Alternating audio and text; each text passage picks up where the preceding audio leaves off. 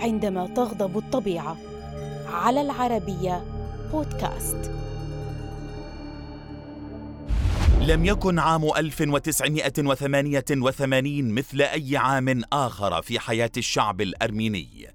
فالويلات تتالت والمآسي تزايدت وجاءت الكوارث الطبيعية لتعلن عن غضبها إزاء الأزمات السياسية وحرب الجيران. وفيما اشتعلت الحرب بين جمهوريتي أرمينيا وأذربيجان اهتزت الأرض لتصنع أكثر الزلازل دموية في البلاد. إنه زلزال سبيداك الذي حصد أرواح نحو 25 ألف شخص وتسبب في إصابة 140 الفا آخرين. كما شرد نحو نصف مليون مواطن. فما قصة هذه المأساة؟ بدا صباح السابع من ديسمبر لعام 1988 في أرمينيا يوما عاديا حتى شعر أهالي مدينتي سبيداك ولينينا كان بهزة قوية امتدت لثلاثين ثانية. الزلزال تبعه زلزال آخر بعد أربع دقائق. وامتدت آثاره إلى نصف أراضي الجمهورية حيث وقعت الهزتان على بعد 32 كيلومترا من مدينة لينينا كان وتسعة كيلومترات من سبيداك. وتعرضت المنطقة لخراب كامل وكانت مدينة سبيداك الأكثر تضررا حيث دمر الزلزال نحو خمسة آلاف ومائة مبنى في البلدة الكبيرة أي مجمل المباني فيها. وحصد أرواح نحو أربعة آلاف من سكانها وهو ما يعادل عشرين في المئة من السكان.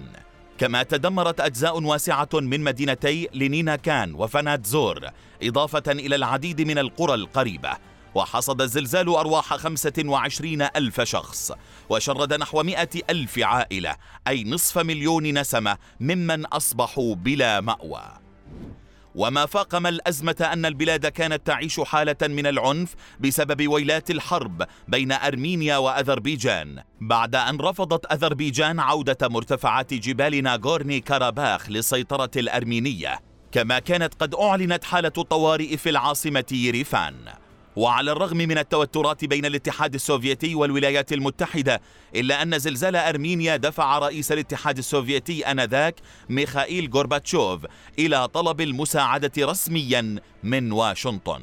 وحصلت أرمينيا على مساعدات من 111 دولة فيما تخلل الأحداث تحطم طائرتين إحداهما سوفيتية كانت تقل على متنها 78 عامل إغاثة والأخرى يوغوسلافية كانت تنقل المساعدات إلى المنطقة المنكوبة.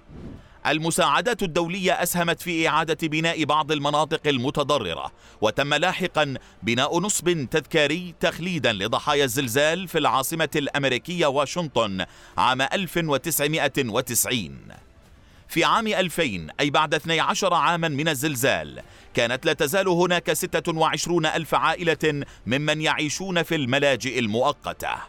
مرت الكارثة على الشعب الأرميني كالنار الحارقة فحتى بعد أكثر من 34 عاما على المأساة لا يزال أبناء الأرمن يعانون آثار هذه المآسي ويتذكرون ويلات الحرب والأشخاص الذين فقدوهم وتلك الليلة المؤلمة بتفاصيلها.